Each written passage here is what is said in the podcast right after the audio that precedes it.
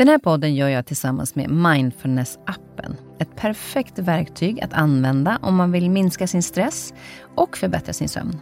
Med guidade meditationer anpassade efter ditt specifika behov. Och på tal om sömn så har jag en väldigt spännande nyhet att introducera för er. Jag tillsammans med Mindfulness-appen har tagit fram en sömnberättelse som heter Visdomen från den blåsiga vägen. Det är en form av godnattsaga för vuxna som får dig att slappna av i kroppen och varva ner mentalt för att lättare kunna somna. Följ med mig på en förtrollande resa som vaggar in dig i drömmarnas värld och önskar dig en skön god nattsömn. Det är alltid svårt att skriva en bok, även om man har skrivit böcker tidigare. Men det var en helt ny typ av utmaning. Jag hade inte behövt tänka så mycket på hur jag formulerade mig på väldigt, väldigt länge. Och Sen när det väl släppte och jag insåg att jag kunde jag hade ett helt nytt språk och nytt vokabulär och nya idiom att leka med. Gud, det var fantastiskt. Jag tror inte ens att jag var kontaktbar på två veckor. Min partner sa efteråt att så här, det gick inte att prata med mig. Jag satt vid datorn och jag skrev och sen så ibland så fick han knacka mig på axeln var tredje timme, ge mig lite vatten, fråga om jag ville ha något att äta. Du lyssnar på en podd från Perfect Day. I veckans avsnitt möter jag författaren Camilla Sten. Hon började som femåring att läsa böcker och det har sedan dess varit hennes stora intresse. Och Böcker blev också hennes yrke. Hennes föräldrar fick när hon var liten sätta lässtopp vissa dagar för att hon läste vad hon än var och gick. Så barndomsdrömmen om att bli kaninskötare, ja, det fick stå till sidan då kärleken till berättelser och ordens magiska kraft tog helt över. Hon gjorde ändå ett försök till att bli jurist, men hoppade av och gick delar av psykologlinjen. Idag har hon skrivit 11 böcker och har flera böcker på gång. Och Dessutom har nu Camilla äntrat stand-up comedy-scenen på senare tid. Vilket jag är så nyfiken på. Att gå från att sitta hemma och skriva crimeböcker till att stå på scen som en komedienn. Ja, känns som två skilda världar, men kanske har de någonting gemensamt. Jag är också nyfiken på hur resan som författare varit då hon skrev sin första bok som 14-åring. Var får hon sina idéer till sina böcker ifrån? Får hon användning av sina studier i psykologi när hon skriver böcker och skapar karaktärerna? Ja, jag är också nyfiken på hela skrivprocessen och hur det är att jobba tillsammans med sin mamma Vivica Sten. Camilla har nyligen skrivit en bok på engelska. Normalt så skriver man ju på sitt eget språk för att sedan översätta. Men hon ville testa och det visade sig att det blev en succé att skriva direkt på engelska. Och sen är jag såklart nyfiken på vad som händer i hennes karriär nu. För det känns som att hennes karriär, som varit lysande med böcker översatta i över 20 språk, bara har börjat. Välkommen Camilla. Tack så hemskt mycket. Nej, men alltså, så härligt att vi äntligen fick till det här. Ja, verkligen. Och Det är inte bara för att du bor i Barcelona, utan jag har haft lite rörigt schema också. Så det har varit ett litet pussel, men jag är så glad att Äntligen. Men du kom ju precis från Barcelona. Ja, jag landade för vad blir det, tio timmar sen kanske. Han precis sova lite, sen så fick jag upp och duscha och slå på lite smink i ansiktet för att känna mig som en människa. Och det var lite på håret att ni kunde åka hit? Ja, vi, eh, vi lyckades få covid 2023 i en liten throwback. så att, eh, jag tror att vi lyckades testa negativt för fem dagar sedan. Mm. Så att vi kunde boka biljetter till slut. Tack till KLM mm. för att de levererade de sista biljetterna från Barcelona till Stockholm som fanns att få. perfekt. Ja, men då var, var härligt i alla fall att ni är här och att ni är friska. För det var ju hela familjen vad jag förstår som blev, eh, blev dåliga. Oerhört. men, men många har ju inte ens eh, testar sig inte längre för covid eftersom det är liksom, influensan har nästan varit värre. Vi pratade lite om det innan när du kom att, att eh, många har säkert covid, fast man inte vet. Och nu när alla har pollen dessutom, så, så går ju alla runt och snorar lite. Eh, gud, ja. Nej, det var min, eh, min partner tappade sitt luktsinne. Det var först då som jag tänkte så här, men gud, det här kanske inte är influensa, det här kanske är covid. Jag hade Rätt inte ens tänkt tecken. på det. Ja, han sa det, han bara, det här kaffet smakar konstigt. Är du säker på att du gjorde det ordentligt? Jag bara, ja, vad är det? Mitt kaffe smakar gott. Jag tycker ditt smakar gott. Vad är problemet? Mm. Han sa, det smakar inte någonting. Och då tänkte jag, aha, mm. det, här, det här kommer jag ihåg från 2020. Men nu är ni safe. Och är det någon som är safe nu så, så, och var omkring så är det ju er. Oj vad safe vi är. Vi är nog safeast i hela Sverige tror jag. Alltså, ja. Det finns ingen risk för covid-smitta från oss nu. Nej, verkligen inte. Men du bor i Barcelona, eller ni bor i Barcelona. Hur länge har ni varit där nu? Nu ska vi, se, så vi flyttade dit oktober 2021. Så det är väl lite över ett och ett halvt år nu. Men tanken var inte att ni skulle bo där så här länge egentligen? Nej, eh, min, eh, min partner är amerikan och han fick inte uppehållstillstånd i Sverige under pandemin. Det var lite av en, eh, kan kalla det en utmaning. Och då till slut sa vår advokat att vi skulle kunna prova att flytta till ett annat EU-land. För att eh, som EU-medborgare skulle jag kunna få ta med mig min partner från Sverige till ett annat EU-land och få uppehållstillstånd från dem där. Men det funkade bara i ett, när man korsade en gräns. Mm. Och vi träffades i Barcelona. Var det Då- därför ni valde Barcelona? Ja, det var därför vi valde Barcelona. Vi träffades i Barcelona, vi tyckte om Barcelona. Eh, Så då valde vi att flytta dit och nu har vi blivit kvar. Vi får se hur länge det blir. Men är, finns det en tanke på Sverige ändå, eller trivs ni så bra där nu att ni hänger kvar där? Ja, vi trivs extremt bra. Jag tror att min, eh, min partner är faktiskt den som är mest taggad på att flytta tillbaka till Sverige. Han är väldigt förtjust i Sverige. Vad skönt, för det är ändå, eftersom han är amerikan så är det lätt att det är ju ganska långa avstånd. Så tycker du att det är skönt att han är med i Sverige eller hade du tänkt att kunna bo i USA? Eh, inte i nuläget. Eh, inte med det politiska läget där. Eh, han, han kommer från Texas också, vilket inte skulle vara mitt första val för plats att bo i USA. Vi har faktiskt diskuterat att om vi skulle flytta till USA att det kanske skulle vara i Massachusetts, runt Boston till exempel. Men eh, jag föredrar att bo i Europa. Jag gillar min sjukvård gratis. Vi betalar ändå skatt för den. Ja, det är det jag Exakt. tänker. Jag betalar ändå så jävla mycket skatt för den här sjukvården. Då ska jag väl verkligen se till att utnyttja den snarare än att Exakt. behöva köpa en sjukförsäkring i USA. Exakt. Så att, eh, ja. Men det verkar som att du gillar utmaningar, för alltså, du har ju skrivit eh, och väldigt eh, framgångsrikt. Eh, vad är det, 11 böcker? Du håller ju på med så många samtidigt, så jag hann inte med. Har det släppts den 12 eller är det 11 nu? Det är en jättebra fråga. Jag tror att det är Alva nu. Det är 11 nu? Ja. bra. Då, då har jag koll. Eh, men det är ett par som du sitter och skriver på eh, just nu. Mm. Eh, och, men vad jag förstår så har du också börjat skriva på engelska. Vilket inte, för normalt så skriver man väl på svenska så översätter man. Ja, precis. Men du har gått in och börjat skriva på en engelskspråkig bok direkt. Ja. Hur, hur kom det sig? Ja, det var egentligen så här. Jag, eh, jag hade fått två böcker översatta till engelska av ett amerikanskt förlag, Minotaur.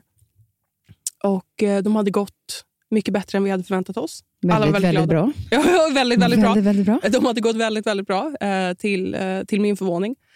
Och eh, sen, då hörde förlaget av sig och sa, vi hade två bokskontrakt, vi skulle gärna eh, köpa fler dina böcker. Vad jobbar du på just nu?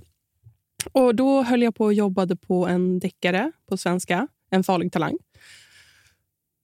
Men jag hade en idé till en skräck, thriller, slasher-bok som jag var väldigt sugen på. Men jag, och Anledningen till att jag inte hade börjat skriva på den ännu var för att jag var osäker på om den skulle funka på den svenska marknaden.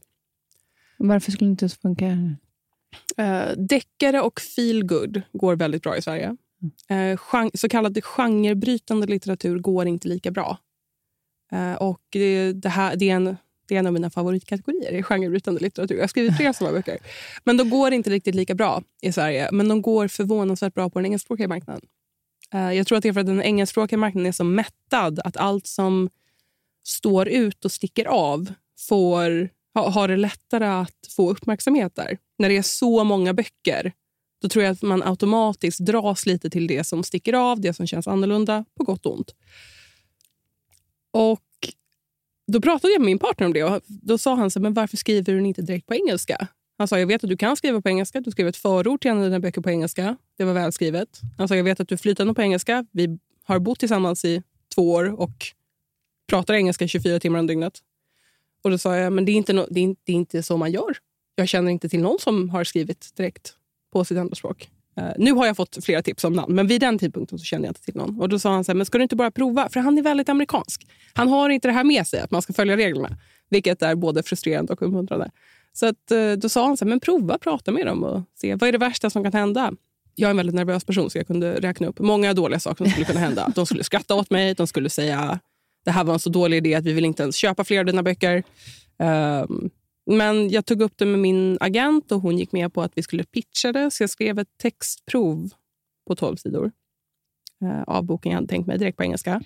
Och Och när man gör ett textprov, vad skickar man in då? Jag skrev två kapitel, eh, prolog till den bok jag hade tänkt mig och en synopsis på ungefär vad den skulle handla om. Och Sen så korrläste jag hysteriskt för att se till att grammatiken höll.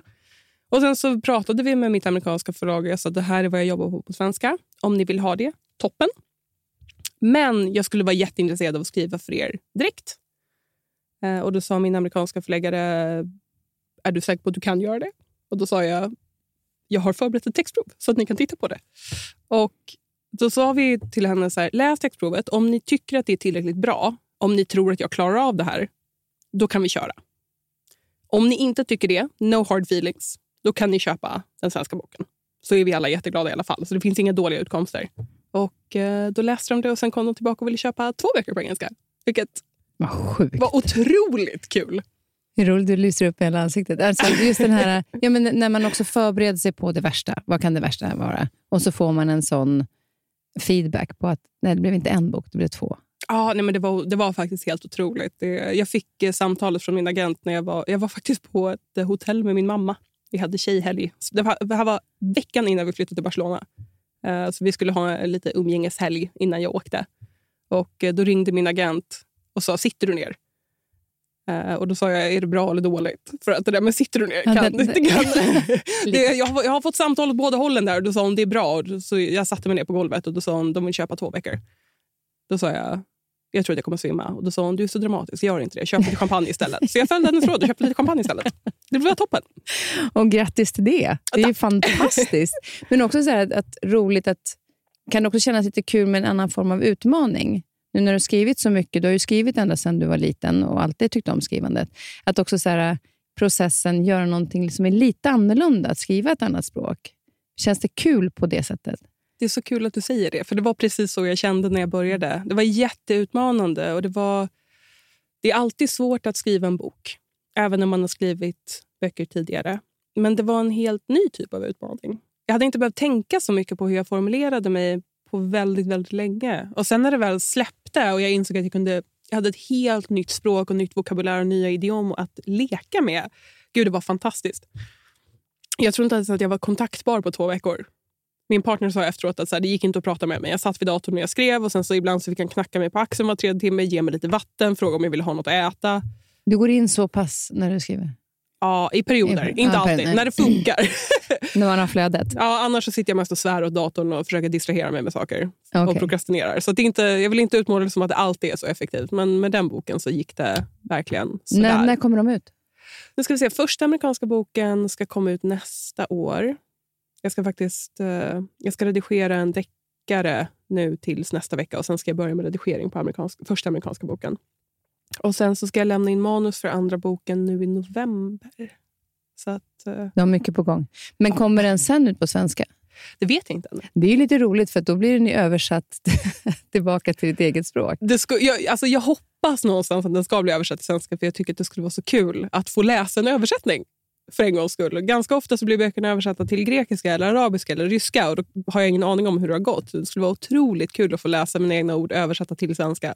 Hur många länder säljer du i nu? Eller har de översatts till? Vet du det? Hur många språk? Jag är lite osäker. Jag tror att det är 24 länder totalt. 25 Helt kanske. vet, men det, är, och det är olika för olika böcker, så jag har inte en hundraprocentig koll på hur många det är.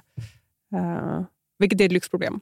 Verkligen. Men, men väldigt härligt eh, att, att ändå... Jag tänker bara tanken så här, tänk att människor sitter runt om i världen och läser ens böcker. Det känns faktiskt helt sjukt. Någon sitter på en strand någonstans, någon lägger sig i sängen och läser. Och det är överallt. Ja, om mitt 12-åriga jag kunde se mig nu. Det här var Ja. min dröm när jag var liten. Så att det är Ja, för nu, om vi ska komma tillbaka då, nu när du ändå är inne på eh, när du var liten. Eh, nu kommer inte du ihåg själv att du ville bli kaninskötare, men det är vad som sägs i alla fall att du ville bli det. Men du läste ju böcker väldigt, väldigt tidigt. Eh, när, när kom boken in i din värld? Det här är problemet med att ha en, en mamma i samma yrkeskategori. Hon kan berätta för folk att man vill bli kaninskötare när man var liten. det Det här är faktiskt problemet med att ha en mamma som är författare överlag. För att jag, jag tvingade henne att ta med mig på förlagsfester och sådär när jag var 16. Men det innebär också att ungefär halva svenska förlagsbranschen har sett mig med tandställning. Vilket gör det lite utmanande att bli tagen på allvar ibland. Eh, minnesbilder som du har. Åh, ja. Men nej, boken kom in i mitt liv väldigt tidigt. Mamma och pappa läste väldigt mycket för mig. Eh, när jag var väldigt liten. Några av mina tidigaste minnen är att eh, de läser sagor och att de läser böcker för mig. Ehm, jag minns att jag var fem när jag läste min första bok själv. Det är ju sjukt. Ja, Det var en väldigt kort bok. Ja, men ändå. Men, ja, men jag var väldigt, jag tror jag var väldigt fascinerad av de här orden. Jag, jag minns när jag var väldigt liten, jag tyckte att det var som att det var magi att mina föräldrar kunde titta på en sida med krumelurer på och översätta det till ord och berättelser. Mm. Att det tyckte jag var väldigt spännande. Och tycker jag fortfarande är väldigt spännande. Um, Men sen vet jag också att du, typ, eh, du skulle läsa, du lä, lärde dig text som, så att du låtsades läsa. Så du hade lätt att lära in. ja, jag, jag, hade, jag har fortfarande lätt för att memorisera text. Eh, så att eh, Min mamma brukade läsa... När hon försökte lära mig läsa så memoriserade jag vad hon sa för att slippa försöka läsa. För att det där med att läsa var väldigt utmanande. Det är ju redan man är fyra. Eh, men eh, Men sen i skolan blev det ju ändå att du, du fortsatte mycket att läsa och du hade en bibliotekarie som betydde mycket. Lena Mm. Lena hette hon. kommer fortfarande ihåg henne. Hon var fantastisk. Jag har, jag har en otrolig soft spot i mitt hjärta för bibliotekarier på grund av alla de fantastiska bibliotekarierna jag hade jag- när jag växte upp. På vilket sätt var hon fantastisk? Var, var det att hon såg vad du var intresserad av? Eller var det, hur kunde du säga att hon på det sättet? Att, Hon var den bästa sortens bibliotekarie. Hon, hon främjade läsande utan att döma. Vilket innebar att hon frågade mig vad jag ville läsa. Och Då sa jag kanske spökhistorier. Eh, kanske. Jag sa definitivt spökhistorier. Jag var väldigt intresserad av spöken när jag var fem, sex, sju. Och det är jag fortfarande. Och Istället för att säga ska du inte läsa något annat, vi har inga spökhistorier inne, så gick hon in och kollade i databasen och beställde över böcker till mig om det var något jag var intresserad av. Ibland köpte hon till och med in böcker för att jag hade sagt att jag ville läsa dem. Jag minns att eh, hon spårade upp en kopia av en Stephen King-bok när jag var nio kanske, som inte fanns i tryck längre.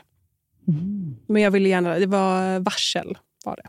Och jag ville väldigt gärna läsa den. Och Det fanns inga kopior i systemet och det, den fanns inte i tryck längre, men hon lyckades hitta en kopia. Då är engagemang kan man säga. Ja, det, jag tror inte att jag hade haft det jobb jag har idag utan Lena. Och utan de bibliotekarier som kom efter Lena på andra bibliotek. Mm. Så att, eh, bibliotekarier är de bästa människorna. Men jag kan bli lite fascinerad över att du gillade spökhistorier så, så tidigt. Jag var ju väldigt mörkrädd när jag var liten. Blev du aldrig mörkrädd? Jag var väldigt mörkrädd. Jag tror att det var därför jag gillade spökhistorier. De, jag, Blev det jag, inte tror, värre då, tänker jag? jag tycker att skräck och spökhistorier gör mörkret hanterbart. Då vet jag att det är i boken. Om det är i boken då känns det som att det är under kontroll för mig, för då kan jag stänga boken. Jag vet att det är fiktivt. Det fastnar på sidan och det är kvar där. Så att ju, ju läskigare någonting är, desto bättre tycker jag om att läsa om det. För att Då känns det som att det är en form jag kan förstå och kan hålla lite avstånd till. För jag, jag var nog mer att jag tänkte att när jag läser det så måste någon ha kommit på. Det kanske har hänt. Vilket gör att det är där idén kommer ifrån.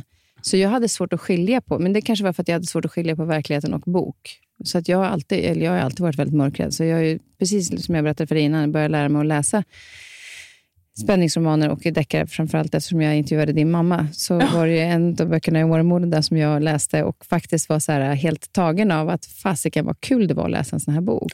Och då är det ju, men för hon sa till mig, den, är- den är ändå snäll, du behöver inte vara orolig för att den är för läskig. så. Men, men just spänningen, den, Ja. den är ju den som är... Eh, ja, jag tror att det är när man kommer till det här, någon som förföljer och sånt. Ja, Den tycker jag inte är så eh, spännande. Men, men det var läsningen hela vägen för dig egentligen under den tiden i skolan. Men hur var du i skolan i övrigt? Hur var den tiden när du gick i skolan? Jag var väldigt eh, blyg och tillbakadragen som barn. Eh, det är någonting som folk brukar skratta åt nu. Eh, men jag tror att min vuxna personlighet utvecklades nästan i motsats till min personlighet som barn. Jag tröttnade på att vara blyg vid någon punkt. Och sen har jag aldrig slutat prata. Eh. Jag hade en kompis som skojade med det häromdagen. Hon sa att hon skulle, hon skulle gå på ett mingelevent med jobbet och tyckte att det var så jobbigt för ingen skulle följa med henne. Och så sa hon så här, hon bara, men du förstår inte det. 200 personer du aldrig har träffat förut som du får prata med i fyra timmar och gratis mat. Det är väl din drömkväll? Och jag sa så jag önskar att jag kunde säga emot, men det är min drömkväll. Det låter fantastiskt. Och så har man en ursäkt för att prata med alla också. Otroligt. 200 nya kompisar. Men vad, vad roligt att det är som skillnad då mot från när du var liten. Men var skolgången, för jag vet också att du hade en ganska tuff period också under skolan, där, eh, eller tonåren, där du inte mådde jättebra. Nej, eh, det var, jag fick, vad jag i efterhand kan känna igen som depression när jag var 17, tror jag, i samband med en ätstörning. Självklart. Eh, För vem kan växa upp som kvinna i det här samhället och inte få en ätstörning? Vad tror du att det kommit av? För där är ju eh, just det, så här, grunden till varför det börjar. Jag har själv haft Mm. ätstörning, så det var därför jag frågar hur, det- hur det kommer sig att din började. Eh, Jag tror att som de flesta mentala tillstånd som kommer sig av en blandning av genetisk sårbarhet och omständigheter. Eh, jag växte upp under det tidiga 2000-talet när eh, en eh, klädstorlek 34 ansågs vara tjock. Jag växte upp och jag var ganska kurvig. Och eh, i Stockholm, som är en miljö som jag tror på vissa sätt har en större fixering vid yta än andra platser. Och Sen så tror jag också att jag var i den perioden av livet. Mm. Jag, ville vara, jag kände mig konstig, jag kände mig avvikande. Jag kände inte att jag passade in. Jag var väldigt intresserad av killar och tjejer.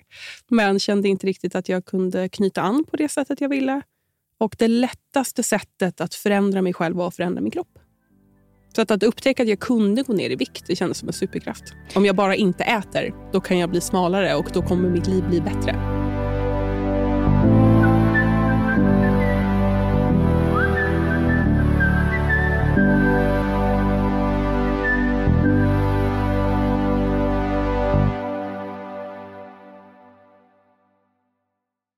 För det där tycker jag är intressant att du säger. För när jag drabbades själv så, så var det nog inte, även om man kanske delvis, att man ville mm, se vara smalare. Mm. Men framförallt var det, det var typ det enda jag kunde kontrollera då. Eh, så att jag har i senare, på äldre dagar, förstått att det handlade mer om att det var det enda jag hade kontroll över. Uh -huh. För att allting runt omkring var så rörigt. Alltså man är på väg att bli vuxen och man vet inte vem man vill bli ihop med och inte. Och det var liksom, skolan kräver sitt. Och det var så mycket jag inte kunde påverka. Men det jag själv kunde påverka var att gå ner i vikt. Och jag upplevde att i och med att jag blev lättare, så kändes det lättare. Ja. Det är någonting med det att inte ta upp för mycket utrymme i världen heller. Tror jag. Jag, tror, jag ville så gärna att min kropp skulle vara hård och skyddad. Inga mjuka delar så att ingen kunde komma åt mig. Så att man inte, jag inte skulle kunna bli kritiserad. Att om jag bara var perfekt, då skulle jag inte känna mig så ledsen och rädd och osäker. Och mm. perfektion i mitt huvud var kombinerat med smalhet. Men jag tror också, jag pratade med en eh, terapeut senare, när jag var i 20-årsåldern och sa jag är deprimerad för att jag har en ätstörning. Och Då sa hon nej, det är du inte. Du har en ätstörning för att försöka kontrollera din depression. Mm. Hon la fram att hon sa jag tror att du blev deprimerad först. Och Sen så kom ätstörningen som ett sätt att försöka kontrollera och behärska depressionen. Att försöka framkalla vilka positiva känslor som helst. Och Då blev självsvält ett sätt att känna att jag hade kontroll, att jag, kunde, att jag jobbade på något sätt för att bli av med ångesten. kunde, kunde du känna igen det? Då? Ja, mycket. Ja. Och Jag kan också säga att när jag började behandla min depression så försvann ätstörningen mer och mer. Mm. Tills den punkt där jag var ganska frisk från depressionen och helt frisk från ätstörningen. Det gick lite hand i hand där? Ja, jag, jag trodde väldigt länge att jag skulle behöva behandla ätstörningen för att bli frisk. Men det visade sig att den, för min del, och det gäller inte för alla, för min del så var den ett symptom, inte grundproblemet. Men hur länge pågick det här? Ska vi se här, jag började banta första gången när jag var 17, tror jag. Och jag tror att jag var mer eller mindre aktivt ätstörd tills jag var 25. Det fanns absolut perioder när jag mådde bättre och perioder när jag mådde sämre. Så det var väl åtta år ungefär. Mm. Och Det var runt när jag var 25 som jag faktiskt började återhämta mig från depressionen också. Och Nu har jag inte haft en depressiv episod på fem år. Vilket är väldigt skönt att kunna säga. Skönt att känna för sin egen... Alltså just att, att, att det har... När man har jobbat med det och man oh. kommer ur det. Eh, att det inte heller är... Det är en process att ja. ta sig ur det. Att det kommer inte på en dag, men det går bra. Det är en så lång process. Jag tycker ja. att det är spännande också, för att jag, jag upplevde när jag var i det, jag tror att det är något farligt när man blir deprimerad i sena tonåren också. För jag förstod länge inte att jag var deprimerad. Jag trodde bara att jag hade blivit vuxen. Jag hade hört så mycket om att mm. vuxna är trötta och ledsna och mår dåligt och har ångest och allt är jobbigt och allt är stressigt. Och, så jag trodde bara så här, ja, men det är så här det är att vara vuxen. Världen suger, det finns inget hopp, inget är på väg någonstans. Det tog mig lång tid att lista ut att alla inte kände på det här sättet. Eh, och Jag trodde inte att jag skulle bli frisk. Jag trodde att det bara var så här det var. Så när jag började bli bättre så var jag så chockad över att upptäcka hur lätt det kan vara att vara människa. Om man gör arbetet, om allting funkar och om man har det stödet. Att säga wow, man kan vakna på morgonen och må bra och vara exalterad över saker, prova nya saker, njuta av livet, ta en paus. Jag hade ingen aning om att det kunde vara så härligt. Det, men under den här tiden så skrev du också. Då hade du börjat ditt skrivande. Ja. När var, hur gammal var du när du skickade in din första... Gud, jag var nog 21 eller 22 tror Ja. jag när jag skickade in den första bok som kom ut. Var en annan gryning hette den. Och den skrev jag när jag var 21. Men du började ju långt tidigare, för jag vet att eh, mamma då, Vivica, har ju hjälpt dig med, började ju hjälpa dig med att hon redigerade text. Alltså hon läste igenom väl? Ehm, Gjorde hon inte det i perioder när i början? I början så gjorde hon inte det. För Min första bok, inom citattecken, eh, skrev jag när jag var 14. Jättelång, Oj. 400 sidor för att jag var 14 och väldigt exalterad. Men hon läste den och gav mig feedback. Jag tog inte emot den feedbacken så bra för att jag var 14. Men Va- var det, hur reagerade du på det? Åh, jag var så arg. Jag ville ju bara att hon skulle säga att boken var perfekt och att det var det bästa någon någonsin hade skrivit. Så här i efterhand så kan jag bli imponerad över att hon tog mig på så stort allvar. Att hon faktiskt satte sig ner och gav mig riktig strukturerad feedback. Men jag var inte redo att ta emot det. Och Sen skrev jag en till när jag var 15. Samma process. Eh, och, sen så, eh, och Det var väl efter det, så ja, någonstans där 16-17 så blev jag deprimerad. Skrev inte så mycket. För jag hade inte fokus. Och Sen så må, började jag må lite, lite bättre någonstans där när jag var 20, 21. Jag hade börjat läsa juridik, hoppade av juristprogrammet. Hur Eh, kommer det sig att du valde juridik?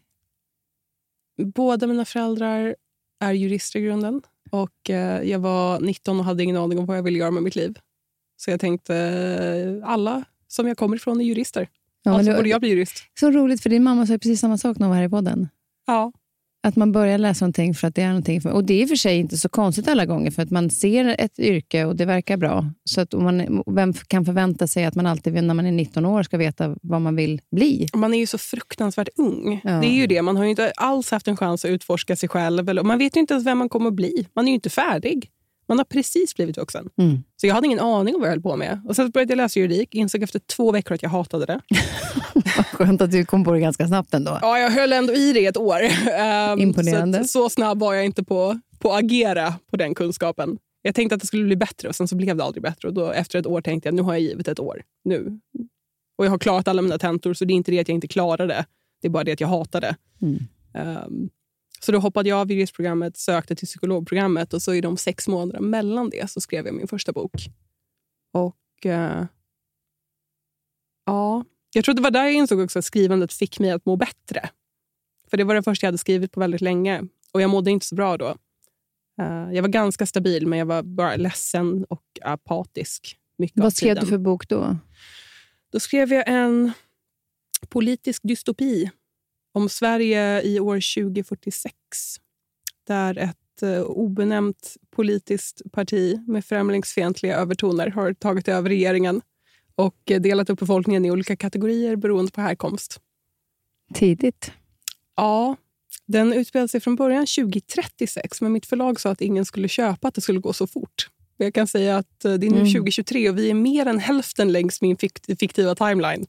Jag kommer alltid vara sur över att jag fick redigera bort att Storbritannien skulle lämna EU. För det hade jag med i boken. Är det sant? Ja, men vi redigerade bort det för det bidrog inte till någonting. Jag tänkte så här, fan vad smart det skulle se ut om jag har det fortfarande kvar någonstans. Ja, jag gjorde jättemycket research innan. Det måste ändå vara rätt roligt när man skriver just eh, fiktiva i framtiden. Att se vad faktiskt som sker av det man tror ska ske. Ja, men det var väldigt deprimerande att göra så mycket research kring framtiden. För mycket av det jag fokuserade på var extremism och klimatförändringar. Så att det, var, det, var inte, det var inte toppen för en deprimerad 21-åring. Nej, jag tänkte på det, när man eh, är, det, det är sinnesstämningen att skriva om sådana saker. Hur Mm. påverkar det dig? Kan du skilja på det du skriver och det, ditt egna sinnesstämning? Nu för tiden kan jag det. Mm. Nu har jag lärt mig att göra det. Eh, med ålder och erfarenhet så kan jag skilja mer på vad jag skriver och vad jag borde fokusera på. Men, men jag, har faktiskt, jag har ett projekt som jag ska ta itu med om några månader som jag tror kommer bli väldigt personligt utmanande. För att eh, det har att göra med någonting som ligger väldigt nära mitt hjärta. Okej. Så att det kommer bli, det kommer bli tufft. Och när vet vi om när den kommer ut? Då? Det är min andra amerikanska bok. Den andra amerikanska? Ja, Okej. den, den, eh, den tror jag kommer bli väldigt, väldigt svår. Men jag är exalterad över det också. Det kommer bli, jag, jag tänker att förhoppningsvis blir det katartiskt. Att jag får jobba igenom alla de jobbiga känslorna. Vi får se hur det går.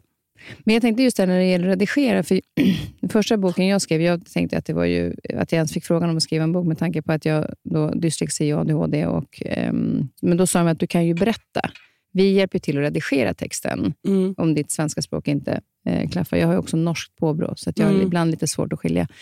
Men jag tyckte att det var så svårt i början när de tog bort vissa grejer som jag tyckte var oerhört viktigt. Alltså jag blev så... Men, och, och sen så att ni får inte redigera med rött. Mm. För det var för mig, då har jag gjort fel. Det var från skolan. Så att jag fick här fina pastellfärger skickat tillbaka. Åh, Ja, det, det ska jag be om. Ja, men det var jättehärligt, för då blev det så mer kreativt på något sätt i min värld. Ja. Eh, istället för att de här röda som man hade fått i, när man rättade proven, så Mm. var det alltid rött. Men, men jag hade så svårt att... så Men ni förstår inte mina ord. De här är viktiga för mig. Har du varit där också? Ja, nu har jag lärt mig att älska redigeringen. Mm. Eh, Men det tog tid och arbete för att komma dit. Hur var det i Eh. början då? Åh, gud, jag tyckte det var så svårt i början. Särskilt när jag inte höll med redaktören och förläggaren. Men jag hade...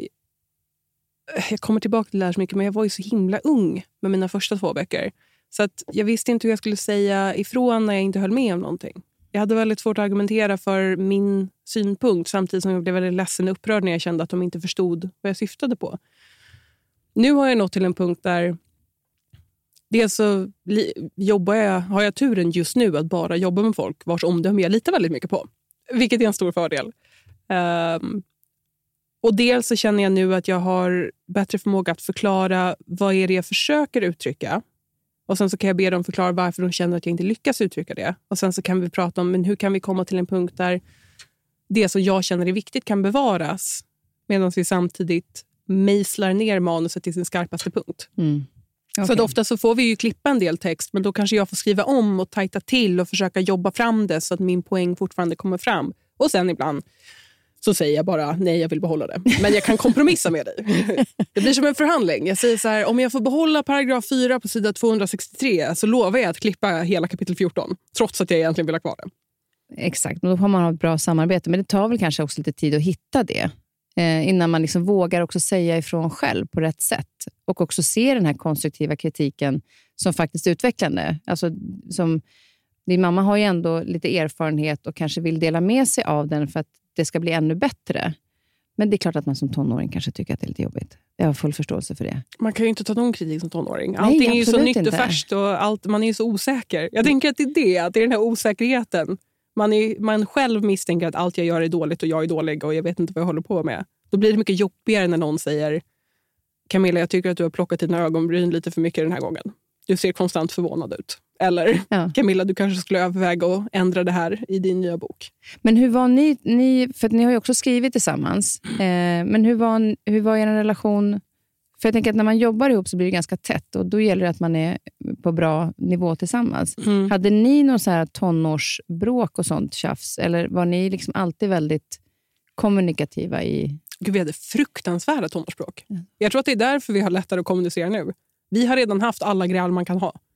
Det finns inget mamma-dotter-bråk som vi inte har haft tio gånger mellan att jag var 13 och 15. Eh, Så eh, jag tror att när man väl har haft alla bråk man kan ha och tagit sig ut på andra sidan, då blir det mycket lättare att säga så här, du, nu känner jag att du sa något lite dumt på telefon igår och jag har tänkt på det och det gjorde mig ledsen. Och då säger den andra personen, det var inte meningen, jag menade så här. Det finns ingen poäng med att ha det, samma gräl igen. Vi vet redan vad det leder till. Så att nu är det mycket lättare att ha en ganska lugn kommunikativ relation som vuxna. Sen så är inte jag full av sprudlande tonårshormoner längre heller, vilket också bidrar. Ja, och de- den tiden, alltså jag brukar säga det, är det någon tid jag inte vill vara med om igen så är det ju tonårstiden. Alltså min son är, yngsta son är nu 19. Jag är så glad. Nu har inte han haft...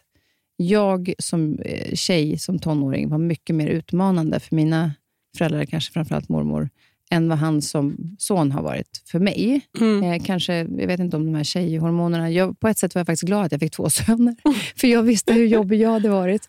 Men, men just det här att man, jag är glad att han går ur det här nu. För att det är ju en tid där vi är mellan, vi är barn, men ibland anses vi vara vuxna. Det förväntas saker av oss ibland och ibland förväntas ingenting. Alltså hur ska man veta? Det är klart att man är, det är en rörig tid.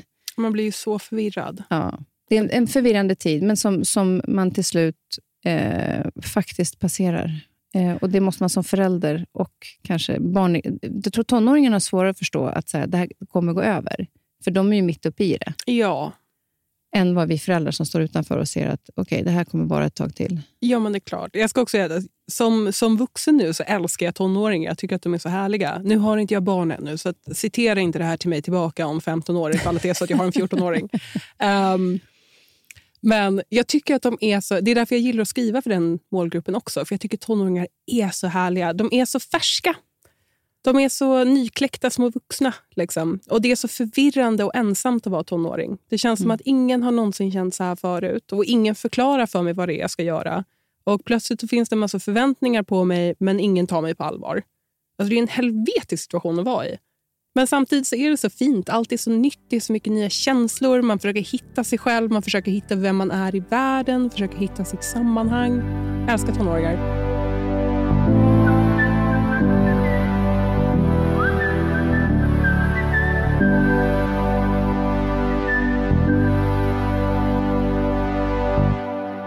När det gäller då när, när du började skriva bok, så vi har ju föräldrar båda två som att vi har blivit kallade för dotter väldigt mm. mycket.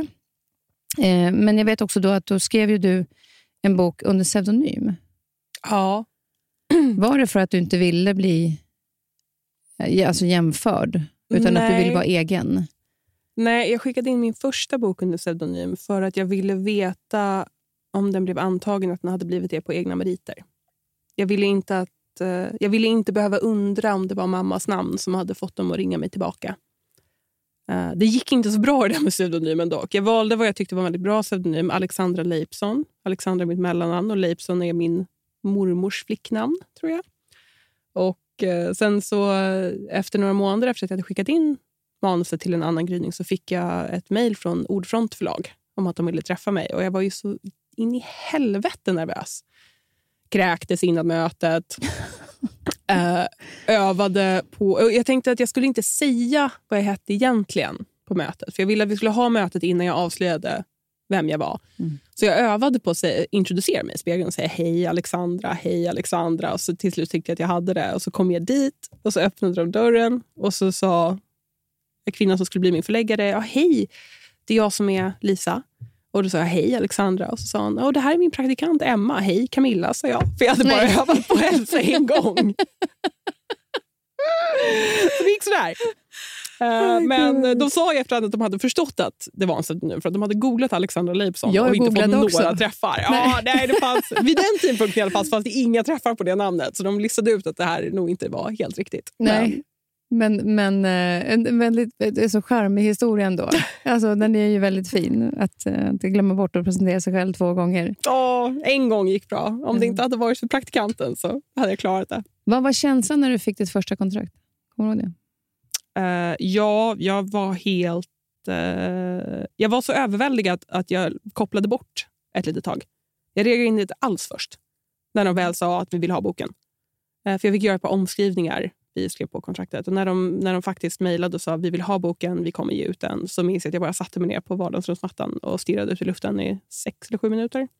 Jag hade i och för sig svår influensa vid tidpunkten, mm. så jag vet inte hur mycket det influerade. Jag, jag såg mejlet när jag vaknade och hade jättehög feber, så jag trodde att jag hade drömt det när jag vaknade igen. Så det tog ett par timmar innan jag öppnade mejlen och såg att det faktiskt hade hänt. Men eh, jag tror att det är lite samma som jag fortfarande får när någonting riktigt stort händer. Som med amerikanska kontraktet eller eller när jag får höra att en bok har sålt väldigt bra eller blivit nominerad till ett pris. Att jag får fortfarande en väldigt overklig, lite bortkopplad känsla. För du har ju ändå, du har ju, du lever, på något sätt så känns det som att du också lever din dröm eftersom du älskar att läsa och älskar att skriva. Kan du liksom greppa det när du egentligen sitter och skriver ibland? Att så här, det här är verkligen det. Jag lever min dröm på det sättet. Nej, jag tror att det känns för skrämmande. Jag tror att det också har att göra med att jag är i grund och botten en extremt ambitiös person på ett negativt sätt. Jag har väldigt lätt att bli missnöjd med att saker inte är tillräckligt om jag fokuserar på det tillräckligt länge. Det, alltså det, det, spelar ingen roll hur bra en bok har sålt. Den hade kunnat sälja bättre. Det spelar ingen roll hur många länder jag har sålt till. Det hade kunnat vara fler. Så jag har lärt mig att inte fokusera på siffror, eller priser eller bästsäljarlistor. Utan så här, man fokuserar på arbetet.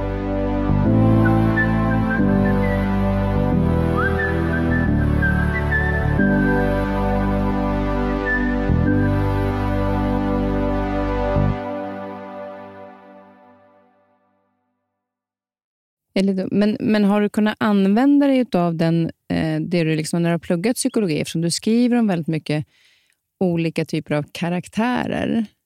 Har du fått användning av det på det sättet? Jättemycket. Och jag har en, I min nya deckarserie eh, så är huvudpersonen kriminalpsykolog.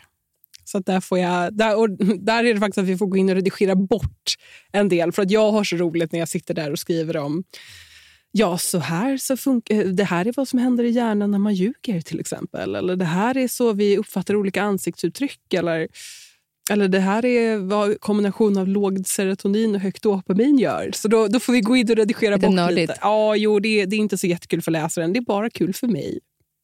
Men det är alltid den balansen man behöver med redigering.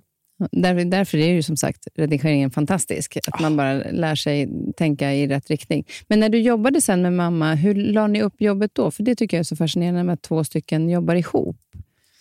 uh, när man, sitter, jag tänker, man sitter ju med sin historia i huvudet och så ska man ha ut den och så ska någon annan skriva. Eller hur la ni upp?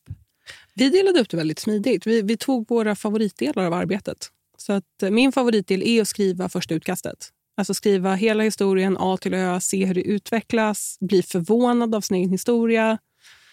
Så det tycker jag är det absolut roligaste. Och eh, Mamma är väldigt förtjust i att redigera. Hon är väldigt detaljorienterad. Hon tycker om att verkligen se till att allting sitter exakt där det ska. Så att, eh, vi delade upp, vi har skrivit fyra böcker tillsammans. Mm. Och vi har delat upp varje bok så. Och det har funkat jättebra. För vi är också båda ganska introverta författare på det sättet. att vi pratar inte så mycket om arbetet medan det pågår. Så då när vi delade upp det på det sättet, då, då funkade det ganska bra. Då satt jag i en månad och satte ihop ett manus, sen skickade jag över till henne. Sen så fick jag hoppa in i redigering då och då bara för att se och få min åsikt tagen på så här, är det okej okay att vi klipper det här. Spännande och kul att göra på, på lite olika sätt. Att man både kan sitta och skriva själv, men att man ändå hittar att ni har hittat ett så bra teamjobb. Mm. För det gör väl också att arbetet i sig, även om en ny, ett nytt manus är en ny bok och nya tankar och nya, ny kreativitet, så blir det ändå lite annorlunda mm. arbetsform. Väldigt. Det, jag kan faktiskt sakna det ibland, att jobba med någon annan. Det, det, det finns något fint. En bok är ju så personlig. Och man bryr sig så mycket. Alla mina karaktärer lever ju kvar i mitt huvud långt efter att jag är färdig med böckerna. Jag tänker på dem ganska ofta flera år efter att böckerna är klara. Man kommer nära dem. Liksom. Det kän, jag, jag tror att de är på riktigt. min, min partner har faktiskt tagit upp det med några gånger. Att han, han sa någon gång att jag tror att du relaterar mer till fiktiva karaktärer än de flesta människor gör. Han sa att du pratar om dem som att de är riktiga människor. um, så när jag är klar med en bok då känns det som att uh, jag har förlorat mina nya vänner som jag bryr mig jättemycket om. Jag får inte umgås med dem varje dag längre. Jag blir jätteledsen varje gång jag är klar med en bok. Jag blir, faktiskt lite, jag, blir, jag blir låg i några dagar när jag är färdig med arbetet på en bok. Post production? Ja, nej, jag blir så deppig. Jag blir bara så här, nu får inte jag umgås med mina kompisar längre. De tycker inte om mig längre. Femåringen i mig blir väldigt ledsen. Men då tänker jag, nu är vi lite grann inne på det här med skrivandet. Eh, för jag, om, nu har du börjat, du började skriva väldigt tidigt, men jag tänker så här, hur processen går till. Jag vet att jag läste någonstans att du fick ett tips om att du skulle skriva när du skulle komma igång med skrivandet, mm. att du skriva en sida per dag. Och Du hade räknat ut då att det skulle bli så 300 sidor på ett år? Ja, mm. det var när jag var 14. Min, eh, jag, satt i, jag kommer ihåg det här väldigt, väldigt konkret. Min, jag satt i biologin och vi skulle ha ett jättestort prov två veckor senare. Och alla i klassen var väldigt upprörda över det här för att det var så mycket läsning som provet skulle vara på. Jag tror att det skulle vara 150 sidor eller något på två veckor. Och Då sa vår biologilärare men om ni läser ett kapitel om dagen då kommer ni ha läst hela texten två gånger till provet. Så det är inte så mycket om ni bara delar upp det till en bit per dag. Det känns bara mm. mycket just nu. Och då, Det var som att det var som en liten bomb i mitt huvud. Att jag tänkte att om jag skrev en sida varje dag, då skulle jag ha skrivit 365 sidor efter ett år. Och det skulle vara en bok. Och då började du? Ja, och jag pluggade inte till biologiprovet heller. Så jag, jag, jag, är inte säker på att jag lärde mig rätt sak av den här lektionen. Men, eh, men, jag, men jag började skriva bara några dagar senare. Och eh, hade otrolig arbetsmoral när jag var 14. Jag har inte lika bra arbetsmoral nu. Jag Men då, då är det ungefär en sida så i Word? Ja, precis. Blir det uh, ungefär en sida som i bok? Det blir, lite, lite, mer än en boksida. Ja. Nu för tiden skriver jag 2000 ord per dag som minimum när jag jobbar på en ny bok. Så det är snarare fyra, fem sidor. Uh, för nu är jag inne i nu är jag mer inne i processen. När jag var 14 så var jag tvungen att upptäcka den för mig själv. Men då undrar jag, så här, när du då ska skriva en bok, hur, alltså hur kommer idén till det? För nu skriver ju, alltså just när det är så här fiktivt, och, mm. eh, vad, vad, får du dina idéer ifrån till det? Det är en jättebra fråga. Eh, Det är en fråga jag önskar att jag hade ett bättre svar på. Eh, Jag tror bara att... Nu ska, jag, nu ska jag leka med psykologi i alla fall. Eh, Det finns en tes om att den mänskliga hjärnan är strukturerad kring narrativ. Vi ser våra liv som narrativ, vi ser andra människors liv som narrativ. Eh, Det är det som ibland gör att vi till exempel tror att vi är i en romantisk komedi när vi träffar någon ny. För att Det är så vi tolkar världen. Vi behö- människor behöver någon typ av struktur kring våra liv och narrativ är så vi gör det. Jag tror bara att min hjärna kanske tänker lite mer i narrativ än vad genomsnitt är. Så att jag samlar på mig information och fakta och små detaljer och sen så ofta så en dag så plötsligt så anländer en idé. Och det händer väl kanske en gång i månaden. Och sen så låter jag dem leva kvar i hjärnan ett tag och då blir de antingen bättre och djupare och mer komplexa över tid eller så bleknar de bort. Och då blir det väl ungefär två eller tre bokidéer som är tillräckligt bra för att pröva på per år. Det poppar upp rätt många idéer måste jag säga om det, om det dyker upp så många. Lägger du vissa till sidan? Skriver du ner dem då? Eller går du och har dem i huvudet? Jag går och har dem i huvudet. Det, de, de, det funkar bara då, för de måste, de måste liksom ligga och mala långt bak i huvudet för att klicka på plats. Eh, Ofta så anländer de ganska oformade och sen så måste jag lägga till och dra från delar. Men när du börjar skriva, börjar du med liksom prolog och, och kapitel 1? Eller kan du skriva liksom, skriver du olika kapitel och så för du dem samman sen? Jag måste börja från början. Jag är extremt belöningsorienterad. Och eh, Belöningen är att få skriva de roliga delarna. De som är riktigt spännande, det man har byggt upp till. Om jag, skriver, jag har provat att skriva slut och eh, actionscener först och då blir boken aldrig skriven. För Jag tar mig aldrig igenom setupen. Jag tar mig aldrig igenom liksom, det som faktiskt är arbetet i att bygga upp spänningen i boken. Utan då hoppar jag rakt på mord och blod och jakter i snöstormar och sånt. Men vet du alltid, alltså du har alltid ett slut när du börjar skriva en bok? Jag har nästan aldrig ett slut. Men hur är kan den du skriva då en synopsis till exempel till en, om, om du ska skicka in, men du inte vet hur den slutar? Mina synopsisar är inte lika bra som mina kollegors synopsisar. Mina synopsisar är är ganska helt vaga. Ehm, det ser mer ut som... eh, om du någonsin har haft en kompi, eh, om du någonsin har haft en överexalterad kompis med ADHD som du pratar med klockan tre på morgonen om ett projekt de gärna vill göra. Så ser mina synopsis ut ungefär. Mm. Att det så här, och sen skulle det vara coolt om man gjorde det här och sen så vid någon punkt kommer det här hända. Det kommer bli jättebra. Så, Så att, den- eh, de, de är lite, eh, man får tolka in dem på något sätt och förlita sig på att slutet kommer bli... man får lita på att man hoppas att jag klarar av den här gången också. Men Eh, jag, det, det tror känns... coolt ändå att inte slutet... För det kan jag känna om man sitter så här, om man nu skulle spåna på en eh, bokidé. Att hur ska det här sluta? Men Mm. det behöver man alltså inte göra, utan du sitter liksom... Det kan komma eftersom. idealiskt sett, och så här funkar det inte varje gång, men idealiskt sett så har jag skrivit boken på ett sånt sätt att när jag kommer till slutet så finns det bara ett sätt boken kan sluta. Okej. Det är då som den funkar. Men en av mina favoritförfattare är fantasyförfattaren Neil Gaiman. Och Han sa en gång att hemligheten till att skriva en bok är att först så skriver du ner boken på papper. Och Sen så går du igenom redigering och försöker få det att verka som att du hade allt utplanerat från början. Okej. Så redigeringen är som man fuskar för att plan- plantera allting och säga så här, haha, ja, jag visste hela tiden vem mördaren var. Det här var inte en överraskning för mig på sida 323. Jag, hade, jag visste hela tiden och jag har planterat alla de här små ledtrådarna till dig, läsaren. Så att du kommer tro att jag var välplanerad och smart hela tiden. Ah, okay. Mm. Men alla karaktärer då, hur skapar du dem? Är de redan besatta från början eller kommer, kommer det flera karaktärer in? De dyker upp som de vill. Det är en av de svåraste delarna av arbetet tycker jag. Jag, precis nu, jag ska precis börja redigera den engelska boken The Bachelorette Party. är arbetstiteln. Och eh, där, där hade jag planerat ut en cast på ungefär sju personer. Och Sen så dök det upp en åttonde person i kapitel två. Och Jag försökte desperat bli av med den här åttonde personen. För Jag visste inte var de kom ifrån, jag visste inte vilken funktion som de fyllde. Men de vägrade låta sig bli avgjorda med. Så nu är hon med i boken. Hon visade sig vara väldigt viktig för hela handlingen, men det visste inte jag just då. Hon bara dök upp och insisterade på att vara med. Vilket eh, funkar, funkade bättre än jag hade förväntat mig. Det som man brukar säga i meditation när det kommer in en tanke som aldrig ger sig. Tänk den klart. Precis, Och låt den det är vara. precis så. Ja, för den bara pockar på uppmärksamheten hela tiden. Och då vill den vara där. Ja. Ja, coolt. Jag har fått lära mig att lita på att mitt undermedvetna vet bättre vad jag håller på med än vad jag gör medvetet. Att Men- ofta så finns det mer utplanerat än jag har förstått att det finns. Just det. Så att egentligen när du börjar skriva så har du en tanke om, om boken hela vägen. Du har lite karaktärer så att du har, det har vuxit i huvudet. Och Mm. sen när du börjar skriva, Då har du miljöerna och platsen. Ja. ja. Precis. Jag tänker det är lite som att dansa salsa. Du har dina Mm. grundsteg, du vet ungefär hur du ska röra dig, men du måste bara följa med musiken. Du har lite av en plan. Du har ett koncept av vart du kan ta vägen. Men det är inte du som leder. Coolt. Det där ska jag ta... Bra liknelse. Tack så mycket. Tack så mycket. Den gillade jag. Ibland Men jag lyssnar du också på musik? Det gör du va? Ja, jättemycket. Men lyssnar du på samma typ av musik? Det beror väldigt mycket på. Ofta så måste jag hitta en typ av musik som funkar för... Jag har några jättekonstiga spellistor som jag har skrivit böcker till. Mm. Alltså verkligen absolut ingen rim eller reson i vilka låtar som är med. Heter Eh, spellistorna boken? Nej, de heter mm. skitkonstiga saker. Eh, jag har en lista som heter Svensk popmusik nummer tre. Och Det är bara Fleetwood Mac på den listan. Alltså jag, förstår, jag har absolut ingen aning om hur jag tänkte där.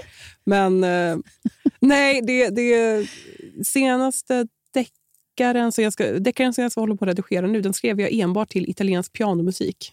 Jag har Mm. inget svar på varför. Det verkade bara som att det passade bättre. Eh, jag har skrivit väldigt många böcker till Petter. Vad är det som är med honom som gör att det är behagligt att lyssna till när man skriver? Eh, jag, jag vet inte, det funkar bara på något sätt. Jag tror att det, dels är det för att jag älskar Petters musik. Eh, och Det är mycket hans senare musik. Det är lite lugnare, Mm. mer melodiska. Men eh, sen så tror jag också att jag har lättare för att lyssna på svensk musik när jag skriver på svenska. Jag kan inte lyssna på engelsk musik när jag skriver på svenska och jag har upptäckt att jag kan inte lyssna på svensk musik när jag skriver på engelska. Det blir för mycket krock mellan språken. Ja, men jag är fascinerad över att du... För att eh, när jag har skrivit de här böckerna med ja, ledarskap där, så sitter jag och lyssnar på... Jag har en, en och det är samma varenda gång Mm. eh, som jag lyssnar på. Och Det är mer så här, typ avslappningsmusik. Mm. Men det är ingen som sjunger. För ska jag höra, då sitter jag och lyssnar på eller sjunger med. Så jag har svårt att ta in ord Mm. och samtidigt skriva någonting annat. Men det verkar du inte ha. Det beror jättemycket på vilken musik det är. Jag Ah, tror okej. att det är, um, om jag ska lyssna på musik med ord så måste det vara musik jag har hört väldigt många gånger förut. Mm. För då vet, då, jag tror att det är det. Det blir förutsägbart och då lugnar det ner min hjärna. Jag behöver inte ha någon oro för vart det kommer ta vägen. Så jag behöver inte vara uppmärksam på det, utan jag kan bara fokusera på sidan. Okej, du kan texterna redan. Ja, precis. Kent funkar också väldigt bra, för att det har jag ju vuxit upp med. Liksom, så att det, Victor Lexell har jag lyssnat mycket på med senaste boken. Bra musik. Ja, eller hur? Ja, verkligen.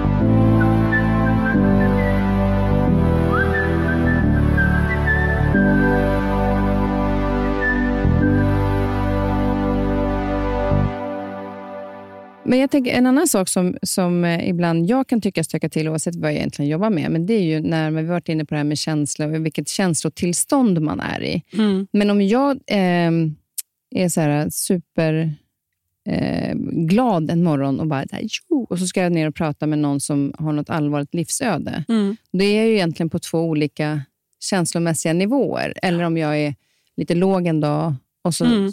ska man gå in och göra Let's Dance. Ja. alltså, det blir ju, hur, hur kan du känna när du sitter och skriver? Kan du krocka ibland dina alltså när känslotillstånd? Att du är så här skitglad en dag och så ska du skriva om ett mord där någon blir ledsen. Eller, alltså, förstår du vad jag menar? Jag hoppas att det här inte låter fel, men jag är oftast glad när jag ska skriva om ett mord. För det är kul att skriva med mycket adjektiv action. Jag tycker du är helt underbar. Alltså, Jag har en ny favorit där. Ehm, jo, men jag, jag tycker absolut att det kan krocka.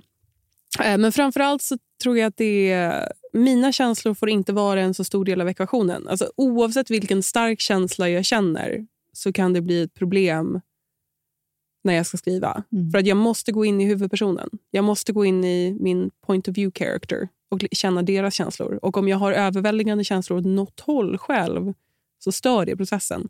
Jag fick absolut ingenting skrivet när jag blev kär i min partner på typ tre månader. För jag var kär. Ingen av mina karaktärer var kära. Så att jag kom ingen vart.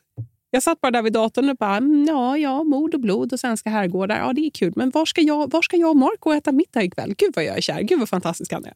Så det blev ingenting. Det låter lite, sunt, det är lite, härligt ändå. Det, det var fantastiskt period. Ja. Jag skulle inte byta ut för någonting. Nej. Trots att jag var, missade många en deadline under de tre månaderna. Men eh, Det är inte så här att man skriver till förlaget så här, jag är lite stressad nu, jag- kan vi skjuta upp det här? Utan jag är så jäkla nykär nu, så kan vi bara skjuta upp det här lite? jag är så ny. Jag och min nya pojkvän ska åka till Milano, så ni får vänta på er bok. Med vänliga hälsningar, Camilla. Nej, det gick inte jättebra, de var, de var snälla och böckerna blev skrivna till slut. De ska, ja. Men hur är det här med deadline? Tycker du att den är bra att ha den här deadline för att liksom hela tiden jobba mot någonting? Eller jag, om man så här, lite kniv på strupen brukar man säga, att för att få det sista gjort. Mm. Eller har du den strukturen ändå, så att du känner att det, en deadline stressar inte mig? Eh, en deadline stressar mig oerhört, eh, men jag behöver den också mycket. Mm. Jag har absolut ingen förmåga till att ge mig själv struktur. Eh, utan jag behöver extern struktur, oftast. Jag tror att jag använde upp min sista, min sista interna struktur när jag skrev min första bok utan deadline. Men sen dess så har jag behövt, behövt den. Det, är faktiskt, nej, det var inte sant. Nu ljög jag. Nej, Jag har eh, mellanprojekt ibland, passionsprojekt. Eh, och... Eh, Och det är... då är det ofta det, det är det okontrakterade böcker. Så böcker som jag skriver bara för att det är roligt. Va- Men, men är det alltid eh, som skräck och deckare och, och den, den typen av genre? Skulle du kunna tänka dig att skriva en eh, kärleksroman? jag har faktiskt en, eh, en idé till en kärleksroman som jag skulle vilja jobba på vid någon punkt. Eh, men nej, just, just nu så har jag ett mellanprojekt som, ligg, som, som jag väntar på att ha tid att ta itu med igen. Som, som kom till mig i en dröm. Mhm. Vilket var väldigt spännande. Så vi ska se om det blir någonting med det. De projekten kan jag jobba på utan en deadline. Men då är det också för att då tar de längre tid. Då får jag ta långa pauser och låta och se vad som händer. Och liksom, Men är det så att de behöver också lite längre tid? jag tror inte det. Mm. Jag, jag tror snarare att det är för att eh, de, eh, de är mycket mindre hetsiga. Så jag tror det är som, de är mycket mer avslappnande att jobba på. För att jag vet att det är ingen som väntar på dem och jag behöver inte göra någonting med dem om jag inte vill. Så då blir de, det är mer som hobbyprojekt. På något sätt. Sen så blir de ofta böcker i slutändan i alla fall. Jag tror det är flera av Hur många böcker jobbar du med samtidigt? Just nu... Just nu så har jag två böcker som jag ska redigera. Sen så har jag ett mellanprojekt. Men oroa, oroa dig inte, förläggare och eventuella redaktör som kanske lyssnar på det här. Jag lovar att prioritera bedeckaren. Um, och sen så har jag en bok i pipelinen som jag håller på och skissar på i huvudet. Som jag ska börja jobba på härnäst. Så fyra, kanske fem ibland. Ibland är det nere på tre, men det är sällan färre än tre som jag har att Och då är, ligger de i lite olika faser? Mm, precis. Det, det är svårt att jobba med två böcker i samma jag- fas. Men i, men i olika faser, så om de är på skissområdet eller om det är att jag bara går och funderar mycket på dem eller skriva manus eller redigera eller finputsa. Mm. Det går att jonglera. Men det här med att du... Eh, har vi pratat lite om att du har översatts till många olika länder. Men jag läste nu bland annat då i succén i USA, där du har legat etta på topplistan på Barnes Noble, världens största bokhandelskedja. Eh, och den toppar, har toppat även Amazon-listan eh, Ghost Suspense. Va? Och du har då sålt filmrättigheterna till staden. Ja. Alltså hur var alltså den grejen att de ville göra en film i USA? Det var i Sverige faktiskt. Det var i Sverige? Det var i Sverige. Ja, det var i Sverige. Jag tänkte för att det var... Ja, ja. de, de, nej, filmrättigheterna sålde innan den blev översatt. Eh, De, de sålde faktiskt innan den kom ut. Eh, vilket, var väldigt, vilket var en intressant upplevelse. Jag drack väldigt mycket champagne den månaden. det var faktiskt då jag började tycka om Bubbel. Ja, Ja. hade inte varit så förtjust i det innan. Jag fick en sån pavloviansk betingning när staden började sälja till olika länder. Att, uh, sen blev jag väldigt förtjust i champagne. Men ehm, Men att få, att få sälja, att det ska bli film, att det blir film, hur, hur var den reaktionen på det? Hade, du, var, hade det varit en dröm tidigare eller var du mer Mm. fokuserad på att det skulle vara böcker? det har alltid varit en dröm. Sen så vid den punkten, det här var väl en fördel av att ha en förälder i samma bransch. Och att ha fått tillbringa mycket tid i den här branschen. Jag vet hur annorlunda filmbranschen är från bokbranschen. Så att jag blev väldigt glad över att rättigheterna sålde. Men jag visste också med mig att bara för att rättigheterna säljer betyder det inte att det blir en film. Mm. Så jag, jag har bestämt mig från början där att så här, jag ska bli väldigt glad över att någon vill göra film av min bok. Jag ska inte räkna med det för mycket. Men nej, man, ska inte, man ska inte hänga upp eh, sina exalterade känslor på att det kommer bli någonting. Mm. Utan bara vara tacksam och smickrad över att någon är intresserad av att adaptera något man har gjort. Och sen eh, bli väldigt glad om det blir en film. Men också vara inställd på att det kanske inte blir det och det är okej. Mm. Och Det är min inställning överlag fortfarande film, till filmrättigheter. Det finns författare som har flyttat till Kalifornien och eh, supit ihjäl sig över det faktum att deras manus aldrig, aldrig, aldrig blir till film. Man får inte Trots att upp. de är köpta? Ja, Raymond Chandler, eh, den kända noirförfattaren, ska ha eh, gått ner i svår alkoholism och dött efter att han flyttade till Hollywood och det liksom inte blev någonting. Trots att han var så framgångsrik som författare. Otroligt. Och just det att, att det är ju ens, ens, eh, någonting man har jobbat så hårt med själv, att lämna över det i andra händer. Och också se liksom, vad, vad blir det, om det nu blir en film, Mm. också se den göras på ett sätt som man har ju lämnat över det. Ja, och Får sen, man, vet du, man får mycket inblick i det. Jag vet inte hur mycket vi kan jobba med det, men att man får, får en, vara med i processen. Liksom. det beror ju på väldigt mycket. Jag tror också att det, alltså författare är egentligen lyxigt jobb på det sättet att man har förvånansvärt mycket kreativ kontroll. Mm. Alltså det är mycket av det beror på att jag gör mitt arbete ordentligt och att saker och ting klaffar. I filmbranschen kan du ju skriva världens bästa manus och du kan få världens bästa regissör och skådespelare inkopplade. Och sen så studion kanske säger vi har bestämt oss för att inte fortsätta med det här för att en annan studio gör någonting som är lite liknande. Eller så kan det bli så att eh, någon får sparken och någon annan kommer in som inte vill fokusera på den typen av projekt. Ja, det är så mycket saker som Det är så mycket in. som kan ja. gå fel. Så jag tänker att man, man får acceptera med lugn sin brist på kontroll och bara vara glad och tacksam över resan. Exakt så. En helt annan sak nu, Mm. men du verkar ju göra då, eh, inte bara böcker, för det är ju någonstans det som är ditt stora del, men du har ju börjat med stand-up. Ja, eh, Men alltså, hur kul? det är jättekul. Det är på väldigt modigt? liten skala. Ja, men hur modigt? hur kom du in på det här?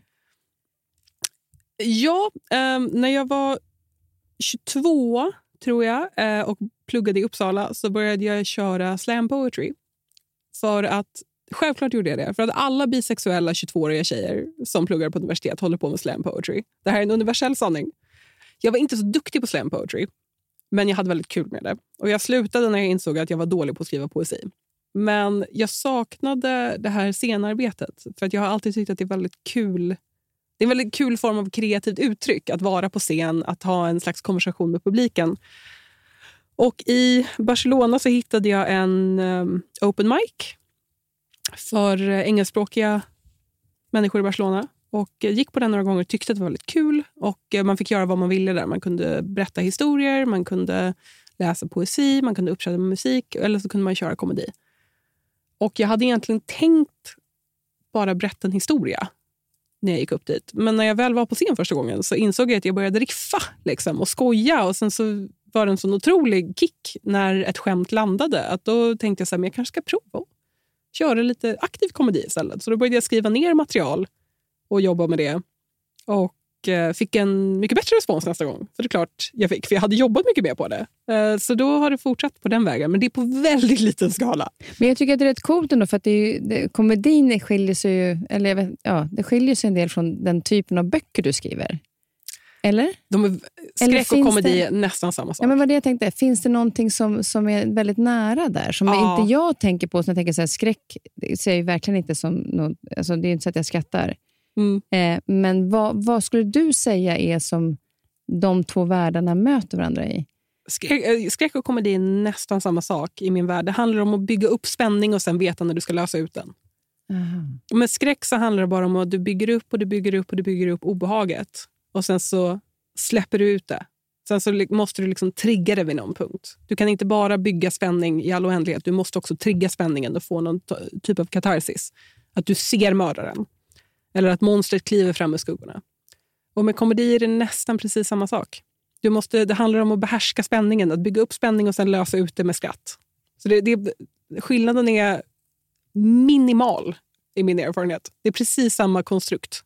Coolt ändå, för man tänker att, eller jag tänker att det är väldigt olika. Men Mm. där ser man ju hur du tänker i uppbyggnad av text eller berättelse. Ja. Jag tror att jag tänker väldigt mycket så. Att det handlar, precis, det handlar om ja, tension. Liksom. Det handlar om hur långt kan du dra det. Mm. För att om du drar det för långt så blir det, då är det inte tillfredsställande längre i text. Mm. Att om du bara antyder och antyder och antyder, då tröttnar läsaren till slut. Och Jag tror att det är samma sak när du tänker på komedi. Att du måste bygga och bygga och bygga så att åskådaren förstår att du är på väg någonstans. Men om du väntar för länge med att lösa ut det eller om du löser ut det för snabbt, då är det inte lika tillfredsställande. Så att både skräck och komedi handlar om spänning och timing. Coolt. Men är det också roligt att när man då sitter annars hemma och skriver mycket vid datorn, vilket är ett ganska ensamt jobb, att också få komma ut och möta människor på det sättet? Det är superkul. Och det är så kul att få tillgång till... Jag, jag har börjat lära känna folk som uppträder på open mic. Så att jag har ju börjat lära känna musiker, och komiker och poeter också i Barcelona. Vilket är, det är väldigt mysigt att vara omgiven av andra människor som också jobbar med, låt oss kalla det, otraditionella yrken. Um, för att jag tycker att det är lättare när jag pratar med, jag har en kompis som är professionell eh, voice actor. Och det är mycket lättare för henne att förstå vad jag pratar om när jag säger att jag känner bara inte att jag får till rätt humör för att jobba idag. Och Då säger hon, gud jag vet precis vad du pratar om. Mm. Jag skulle spela in en reklam igår och jag kunde bara inte få till rätt mindset för att spela in allting ordentligt. Och då tänker jag, ah, gud, exakt.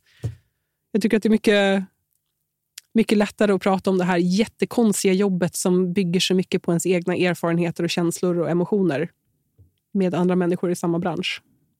Det ser man också vikten av att vi också har det här sociala, alltså sociala på ett mm. sånt sätt att vi inte jobbar för mycket i vår egen värld. Även om det är skönt för många att sitta och jobba och koncentrera sig själv. Men att den, den andra delen betyder mycket Gud, ja. i att dela erfarenheter. Man, på något sätt så kan också så idéer poppa när man möter mm. andra. Alltså den är väldigt, men otroligt härligt som liksom skriver crimeböcker och eh, 2C, comedy.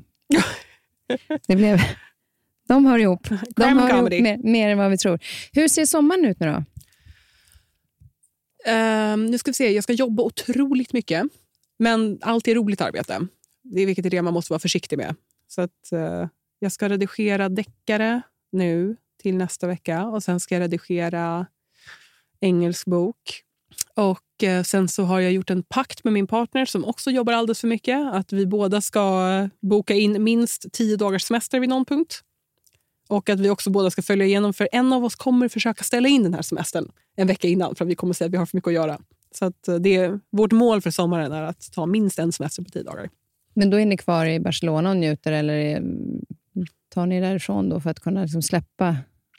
Vi kommer nog försöka... Vi har pratat om att försöka åka till Frankrike. Mm. Vi hade nämligen tänkt åka till Frankrike förra året och så var vi tvungna att ställa in för att han hade inte fått sitt uppehållstillstånd ännu, så vi kunde inte lämna Spanien. Så det skulle då bli vår lilla segerresa för att fira att vi faktiskt fick det här uppehållstillståndet och att vi är trygga nu att vi får vara tillsammans. Så det, det ska bli väldigt fint. Så härligt och så härligt att den, eh, vad man kan göra för stark kärlek. Ja, ja. Det, det är ju värt det. det liksom. ja. Jag skulle inte ta tillbaka något av det. Så härligt. Eh, innan vi avslutar så skulle jag ju då vilja höra vad du är nyfiken på. Nu känner jag att vi har pratat om mycket av det jag är nyfiken på. Uh, oh, jag vet något som jag är väldigt nyfiken på. Jag är väldigt nyfiken på föräldraskap. Mm. Jag är väldigt nyfiken på hur det funkar och hur man tänker kring det. Och uh, särskilt, uh, särskilt nytt föräldraskap. Jag, ser, jag har väldigt många i min närhet som nu håller på att få barn. Och Det är någonting jag aldrig har upplevt själv. Och Jag tycker att det verkar som en så fascinerande upplevelse att uppfostra en ny person från ingenting alls till att bli en hel människa. Eh, det är inte någonting som jag är supersugen på att ta mig an just nu, men jag är extremt nyfiken på hur det känns. Men det är inte inifrån. helt främmande? Du skulle kunna tänka kanske i framtiden? eller? Ja, förmodligen ja, någon gång i framtiden. Ja. Men just nu så känns det ganska långt bort. Men jag är otroligt nyfiken på hur... Jag, jag läser mycket om det här med föräldraskap och hur det känns. För Jag är så nyfiken på här, hur känns det inifrån att få barn mm. och att uppfostra barn. Och att tänka, hur tänker man kring det och hur man förändras som människa? Och hur, hur påverkar det hur man ser på sig själv och på omvärlden och på andra människor? Det, det är jag väldigt nyfiken på. Det är en väldigt speciell eh, resa och jag tror att det är väldigt viktigt att, att eh, som du säger, att man ändå tänker på det från, från eget perspektiv. Mm. För att eh, det här med när man får barn, så det var någon som sa till mig att du kommer få höra så mycket goda råd mm. eh, om vad man ska göra och inte göra. Men kom ihåg att det är du som är expert på ditt barn. Ja. Och Det var en så otroligt fin... För Jag tycker att det är fint att folk delar med sig av sina erfarenheter, men alla barn är olika. Man mm. lever olika liv. Vad passar in i vårt liv och inte i andras liv? och så där. Men det är ju en fantastisk eh, upplevelse att vara. Eh, och Det är frustrerande, och det är svårt och det är helt underbart. Ja, det är det jag har hört. Jag har typ. också hört väldigt många säga att det är helt obeskrivligt. Jag tror att det är därför jag är så nyfiken. Jag blir så frustrerad. Jag vill höra det beskrivet. Ja, men jag kommer ihåg att när, när eh, min äldsta då var typ två mm. och jag var så otroligt orolig. Det var någonting, man hade ramlat eller vad det var. Och jag, ja, oron som man har över sitt barn är helt... Alltså den, det finns ju inga gränser för den. Ja. Eh, och Då insåg jag, jag har alltid känt mig extremt älskad av mina föräldrar. Mm. Men då var det på något sätt så här, Gud, nu förstår jag hur mycket mamma älskat mig. Alltså, ja. För att, att jag är i behov av henne, det är ju liksom ett barn i behov av sina föräldrar. Mm. Men jag tänker att en förälder på något sätt är ju inte behov av barnet på samma sätt. Nej. Men jag hade fel. Ja. Alltså, och det spelar ingen roll. Mina barn är 26 och 19 nu. Alltså, Mm. även om jag, och det, det är också coolt. Jag har varit nyfiken på det här. Hur är man som vuxenmamma? Ja. För där är jag ny. Det är ju något helt nytt. Ja. Alltså, hur mycket ska jag... Jag vill inte lägga mig i, men jag vill ändå bry mig om. Hur uppfattas det av dem? De kan säga, men mamma, lugn, det går bra. Mm. Sluta vara så mamma. Ja, men så att, vänta, jag är ny i den här rollen. Ja. Det är, nytt, det är en ny mammaroll. Det är ofattbart, ofattbart för den vuxna barnen. Jag tror att det, det är jättesvårt att komma, ihåg den, äh, komma ifrån den här bilden av sin förälder som allvetande och allmäktig. Ja. Man tänker att jo, ja, men är, om, om mamma gör någonting som jag tycker är konstigt här, då har hon gjort det med flit. Det kan inte vara så att hon är förvirrad och gör sitt bästa. Nej, och man kommer göra så många, man vill göra allting rätt och man kommer göra så mycket fel. Ja, det, det, Men man, det viktigaste, eh, enda jag kan känna, som, eh, nu ska du ta reda på det från ditt håll, men det är att bara så länge man gör sitt bästa och det man tror är det bästa just då, eh, så kommer man väldigt långt. Sen kanske något år senare så tänker man på ett annat sätt. Mm. Men där och då så gör man det man anser är bäst för sitt barn. Och Sen får det visa sig om det var det eller inte. ja. Men med den kärleken. Liksom. Spännande! Ja, Ja, alltså, fantastiskt härligt att ha dig här. Jag är så glad för att du kom och jag har fått skratta en hel timme och hamnat in i dina fantastiska världar. Eh, men nästan som man skulle vilja säga, undrar hur det skulle vara att vara i ditt huvud en dag. Och få intensivt och frustrerande. Det är intensivt och frustrerande kan jag säga. Men på något sätt väldigt härligt. Ja. På något sätt väldigt härligt. Vi ska avsluta med en, en låt. Vilken låt vill du, eh, vill du ha? någon från Petter eller vad vill du ha för låt att avsluta med? Eh, skulle jag kunna be om ehm, eh, en Petter-låt? Jajamensan. Åh Gud, det finns så många som jag tycker... Ja, nej, men då får jag ta min favorit, vilket är Se på mig nu. Se på mig nu. Då avslutar vi med den. Och tack snälla för att du kom och lycka till vidare med alla dina eh, projekt du har framför dig och grattis till all succé som du har- du redan har haft. Tack. Helt Tack övertygad om att det kommer fortsätta. Du är fantastisk. Tack snälla.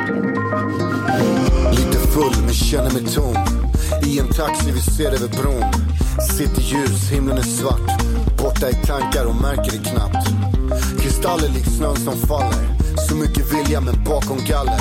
Ljussken som glittrar i mörkret. Folk överallt, du står vänster om dörren. Sticker ut i ledet. Jag ser på dig när ingen annan ser det. Men hon drar mig i tröjan tätt intill. Viskar nåt, blicken är still. Jag håller fokus på dig, någon ropar ditt namn. Är du själv ser ingen hon eller han. Hjärtat bultar, känner det långt fram. Om känslor kan brinna så brinner de våldsamt.